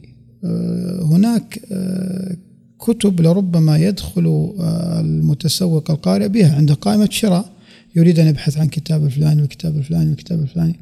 فهذا النوعية من القراء معرض الكتاب مفيد بالنسبة له لأنه لن يعدم الفائدة. إما يشتري كتاب جديد إما يطلع على كتاب جديد لم لم يسبق التعرف عليه إما يجد عن يجد كتابا هو بغيته من من من الكتب. يعني على سبيل المثال من القصص التي مرت علي بطالة قديما آه، في بعض المذكرات أشاد أحدهم بمذكرات آه، أحمد سليمان مشيناها خطأ. مشيناها خطا كتبت علينا ومن كتبت عليه خطا مشاها وهو شيوعي سابق وفي من السودان. وكتب مذكرات وكتب عليها مذكرات شيوع سابق. الكتاب هذا طبع 1940 ونفد وأحدهم أشاد في بعض الكتب أشاد بهذه المذكرات قلت لابد أن أشتري كتاب. أبحث عن الكتاب. كل ما أتيت معرض أوه هذا زمان يا أخي طبع قبل 40 30 سنة و... و... وانتهت الحقبة. جاء معرض الكتاب في جدة قبل تقريبا كورونا بسنتين وكذا. جيت عند دور سودانية فقلت مشينا خطأ. قال مشينا خطأ كتبت علينا ومن كتبت عليه خطأ. مشاها قلت نعم. قال أحمد سليمان. قلت نعم. قال والله ما جبته. ليش؟ قال سجلته بس ما لقينا أو ما ما اصطحبنا. رأيت في ذهبت في البيت ونمت وفي المنام رأيت في المنام أنني اشتريت كتاب. الآن أنا ما أدري ما في الكتاب ماذا يوجد فيه لكن أشاد بي أحدهم وأريد أن أقرأ الكتاب. فجئت في اليوم الثاني قلت أنا رأيت في المنام عثمان اسمه كان اسمه عثمان. رأيت في المنام أنك أتيت بالكتاب. قال سيأتي يوم الأربعاء إن شاء الله. ذهبت وعدت يوم الأربعاء حتى أشتري الكتاب. أحيانا عندما نقول ندخل إلى معرض الكتاب أنا أبحث عن كتاب معين لربما في قائمة الشراء لسنتين. فأنا متطلع. لكن الإنسان الذي لا هدف له في القراءة ربما لا يستفيد من معارض الكتاب ولا يجد أصلا فيها أنس ولربما فقط يأتي ليشرب قهوة ثم يعود. لكن الذي يريد العلم لا سيجد. حتى لو كان مبتدئا سيجد من يشيره حتى لو فقط جاء للسؤال. جاء عند دار القلم ولا دار المعارف ولا ابن الجوزي ولا الرشد ولا دار العبيكان ولا أي دار دار جاي أي غير إلى أي أي دار أخرى. وأخذ يسألهم عن الكتب الجديدة وأحفظ الكتاب ووجد تعريف من الباعة. هذا بحد ذاته جمال. فضلا عن أنه أصبح قارئا وعنده قائمة شراء وأجد تعريف وأحيانا يكون هناك ندوات حتى مصاحبة. فمعارض الكتب التي تجمع تحت سقفها دور نشر عريقة وتجد مطبوعات جديدة وتجد كتب وتجد تعريفات والزيارة الأولى ستكون بالنسبة لك مفاجأة والفائدة منها بسيطة. لكن معرض الكتاب الثاني والثالث والرابع هنا عاد تبدأ المحفظة بنفض ما فيها وتحدث السفريات وتطارد معارض الكتاب وتصبح عندك من أجمل المواسم. يعني مو لا نزل الربيع الناس يروحون يكشتون ياخذون الخيام وياخذون معهم طلي ما يكون دسم ويستانسون. ترى مواسم معارض الكتاب هي بالنسبة للقارئ ألذ من هذا. يا سلام يا سلام ما شاء الله إن شاء الله نوصل للمرحلة هذه بإذن الله. إن شاء الله جميعا. طيب شيخنا بالنسبة لي البحث عن عن كتاب يعني هي من المعاناة نقدر نقول معاناة لذيذة بالنسبة للقارئ النهم. عندما يعني آه، يجد مثل ما تفضلتم إحالة على كتاب معين ويعني يبحث عن هذا الكتاب ولا يجده. وأظن إنه يعني آه، في عالم القراءة يعني توجد قصص كثيرة للقراء في هذا فيمكن تريدون يعني نحن أشرنا بعد زام قبل قليل للبحث عن كتاب يعني عارض عرضا يعني كتاب مشيناه خطأ. أذكر أن عبد الفتاح أبو غدة في كتابه صفحات مصطفى العلماء يقول أشاد شيخه أو احد الشيخ بكتاب علي قاري فتح العناية بشرح كتاب النقاهي أظن. يقول فبقيت ست سنوات وأنا أبحث عنه في مصر. ثم جئت إلى حلب وبحثت عنه هناك فلم أجده. ثم في مكة وجدت رجل من شنقيطي كتبي ماهر فقال فسألت عن كتاب. قال بعت منه نسخة قبل أسبوع. تخيل واحد يبحث عن كتاب له سبع سنوات. فأخذ في الحرم يطوف ويدعو الله عز وجل. كان اشتراه رجل طاشكندي. يب يسأل الله أن يجمعه بهذا الرجل. فأخذ يبحث حتى وجد صهره آه، رجل آه، ابنته. فذهب وأغلى عليه في الثمن حتى أخذ الكتاب. أحدهم فيما أذكر أنه استأجر رجلا ينادي في الحج قديم. آه، رحم الله من دل على كتاب الجاحظ كتاب النبي أو كذا. يبحث عنه. مر علي أنا مواقف أن أحدهم أشاد بكتاب في أثناء قراءتي مثلا في كتاب الأدب ولا كتب التاريخ. قالوا من الكتب النفيسة كذا وكذا. يعني مثلا ملأ العيبة. إلى الآن ما طبع منها مجلد واحد. وطبع قديما وفي الأخير دار الغرب طبعت منه. بقيت مدة من الزمن لم أجد إلا مجلد واحد. حدثني أحد الكتبيين يقول وجدت كتاب ثلاثة أجزاء. كتاب في إحراج الصواريخ في الرصيف وكتاب في مكتبة وكتاب في تونس. ثلاثة أجزاء. كل جزء وجده في إحدى الدول تخيل يعني. هو يبحث عن كتاب معين. فأحيانا تجد تعلم قصص البحث عن مناجم أبا طارق منجم الذهب ولا البحث عن الصقر الحر. الكتبيون عندما يعلون أن أن هناك نسخة نادرة من كتاب معين أو أن هناك كتاب طبع طبعة نفدت ثم طبع طبعة أخرى أقل. يا إما أن يجد مصورة والمصورة ليست كقيمة الأصلية. فأحيانا يكون الكتاب نفد قديما وليس منه الطبعة إلا مصورات وما عدا ذلك طبعات. فإذا وجد طبعة أصلية يعتبر هذا كتاب نادر.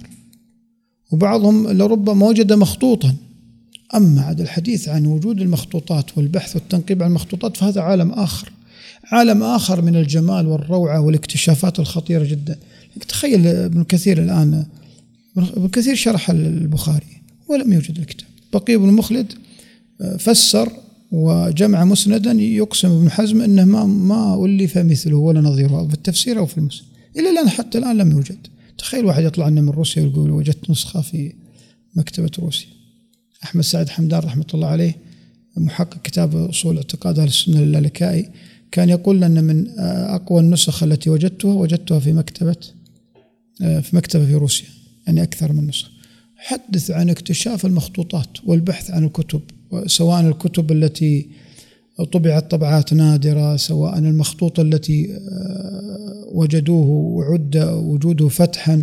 فعالم البحث عن الكتاب عالم مليء بالقصص. والله ودنا يا أبو طارق أن واحد يؤلف لنا كتاب البحث عن كتاب ويجمع قصص الباحثين. يعني من ما قرأت أخيرا الطناحي أشاد بكتاب أحمد فؤاد أيمن فؤاد سيد مخطوط العربي. فوجدت في مكتبة كنوز المعرفة كتاب محاضرة عن نشرة المواعظ والاعتبار للمقريزي. فوجدت أن المواعظ والاعتبار طبع طبعة في دار بولاق 1270 أو 1280 الطبعة كثيرة السقط والتحريف. آه، أيمن فؤاد سيد كان عنده رسالة دكتوراه تتعلق بمصر. آه، هناك مستشرق فرنسي يقول أيمن فؤاد سيد هو أعلم الناس بمصر وتاريخها الطبوغرافي. حاول أن يحقق المواعظ والاعتبار ولم يجد آه، سندا أو مصادر فتوقف في الطريق. وهكذا أصبح الخطط المقريزي نسخة ضعيفة فيها سقط. حتى وجد أيمن فؤاد سيد وجد مسودة التي كتبها المقريزي بخط يده. المسودة. وجدها في مكتبة في تركيا. حتى مكتبة غير مشهورة. وجد المسودة التي المعروف أن المسودة هي الشكل القبلي للكتاب التحرير الأخير. هذه المسودة على الأقل صححت الأخطاء التي وقعت في الطبعة التي طبعتها بولاق وهكذا النحو لابن العلج وأظن صالح العايد اكتشفه في إحدى الطناحي له اكتشافات. عبد الرحمن العثيمين ولد عم الشيخ له اكتشافات. آه، محمود محمد شاكر له اكتشافات محمد راتب النفاخ السوري المحقق له اكتشافات وهكذا اكتشافات لمخطوطات فقدت. ففجأة أذكر من قصص الطناحي أنه وجد مخطوط من بين مخطوطات يعني أظن ثابت بن قرة. وجده أو ورقة من ضمن أوراق في فن آخر. والذين أدخلوه لم يفهرسوه فهرسة صحيح فكانت هذه النسخة أو الأوراق سندا لطبعة آه، قديمة طبعت في الكويت. فقصة البحث والشوق والوجود مناجم الذهب هذه سواء في المخطوطات أو حتى الكتب التي طبعت ونفدت هذه تعتبر يعني قصصها جميلة. جميل جدا جزاكم الله خير. آه، طيب ودنا إحنا نختم بإطلالة على آه، أسماء الكتب عناوين الكتب آه، بعض الأسماء الغريبة والعجيبة. والله هذا شيء جميل يعني بعض الكتب لها عناوين غريبة لكن على سبيل القراءة وأنا في الطريق أخذت أتأمل وأبحث عن أسماء الكتب المتعلقة بالقراءة. يعني أحيانا تقود إلى تقود إلى المضامين الكتاب. يعني في كتاب المتعة القراءة دانيال أو كذا. في كتاب تاريخ القراءة المنغويل في كتاب القراءة أولا القراءة منهج حياة القراءة كذا القراءة كذا. فتخيل أن الكتب عن القراءة لها عناوين متعددة. لكن بين فترة وفترة تجد أسامي مثل الهوامل والشوامل الهاملة آه، يعني زي الإبل أو الوحشية التي تهمل والشوامل يعني كلاب الصيد وكذا التي تشملها. فالهوامل أسئلة من أبي حيان والشوامل إجابات من مسكوية وكذا. فهذا الهوامل والشوامل اسمه غريب. آه، رسالة الزوابع والتوابع عن جنون الشعراء. يقول صاحب ابن شهد أظن أو كذا أن لكل شاعر جني وأنه التقى بهم قصة خيالية التقى به كذا وكذا. كتب خبايا الزوايا أو خفايا الزوايا للزركشي يعني ما وجده في غير مظانه. إيه، كتاب جميل جدا. طبعا كتب الرحلات إيه، كتب المسجوعة كتاب الورقة صاحبه يترجم لشاعر بورقة واحدة. إيه، كتاب تلفيق نسيت الاسم بالضبط كان يتكلم عن قضية الأشعار التي لفقت صفة لصفة أو كذا. تجد في في كتب تجد كتب متشابهة زي الأشباه والنظائر قبل شوي. المسكوت عنه المسكوت عنه في التاريخ ومسكوت عنه في الأدب. في هناك أسماء آه، تجد هناك فيها تناظر بجميع الفنون. هذه أسماء بعد ما عدا ذلك في بعض أسماء طويلة آه، تستطيع تحتاج تقريبا إلى أنك تأخذ مدة من الزمن حتى تحفظها أو تتقنها. لكن ثمار القلوب للثعالبي كتب الثعالبي فيها فن في التسمية سواء ثمار القلوب أو يتيمة الدهر أو كذا وكذا. وصمت اللآلي البكري أظن الذي حقق عبد الرحمن الميموني الميمني. صمت اللآلي ونظم الدرر وكلها قضية الدرة والزخرف ونظمها هذه حاضرة في تسميات الكتب. بين فترة وفترة أكيد مر عليه كتب كثيرة. بين فترة وفترة تجد تسمية غريبة وعجيبة. أحيانا يكون الاسم خداع زي إصلاح المنطق. بعضهم السكاسي أظن يظنه في المنطق. لا هو إصلاح منطق اللسان. إيه. ولذلك في الفهرسة الكتب في المكتوبات في إحدى المكتوبات ستجد الذي يبحث عن إصلاح المنطق أحيانا يبحث عنه في كتب اللغة والمفهرس الذي فهرسه وضعه مع المنطق. مع المنطق. وهذا جهل بمحتواه. آه، وهذه ذكر من الطناحي في كتاب ثقافة المفهرس ذكر منها قصصا غريبة. وذكر أن تسمية الكتاب قد تقود إلى ضياع الكتاب. تسمية الكتاب آه، لربما لا يفقه الإنسان أن هذا الكتاب أصلا محله في الكتب الفلانية. لكن لمجرد أن التسمية هذه آه، ضيعت عليه ضيعت عليه المحت... تمنيت أننا جمعنا مادة في الأسماء وأتوقع أن لو شحذنا العقل وطردنا وراء تسميات الكتب وما فيها القصيرة والطويلة والمتشابهة والمضللة و و والأخطاء التي وقعت والتصحيف حضرني في التصحيف آه، آه، عن الخيل والليل أو كذا في كتاب ذكره الطناحي أن أن أن تصحيف جاء فيه في كتاب مضحك المردفات لكن آه، الموضوع مضحك فنحتاج أن نتجاوزه لأن شرحه لا يستحسن عبر الملأ يعني. لكنه ضاع ضاع صاحبه الذي فهرسه ضاع في تسمية الكتاب إلى معنى غير المعنى الذي قصده المؤلف. وهذه من الأشياء التي تحدث في عناوين الكتب. جميل جدا. آه، حقيقة استمتعنا جدا بهذا اللقاء الماتع الجميل المفيد. آه، أسأل الله أن يحسن إليكم ويجزاكم خير ويكتب أجركم. والشكر أيضا موصول لمشاهدينا ومستمعينا الكرام. وإلى أن نلقاكم في ملهم جديد بإذن الله. استودعكم الله. والسلام عليكم ورحمة الله.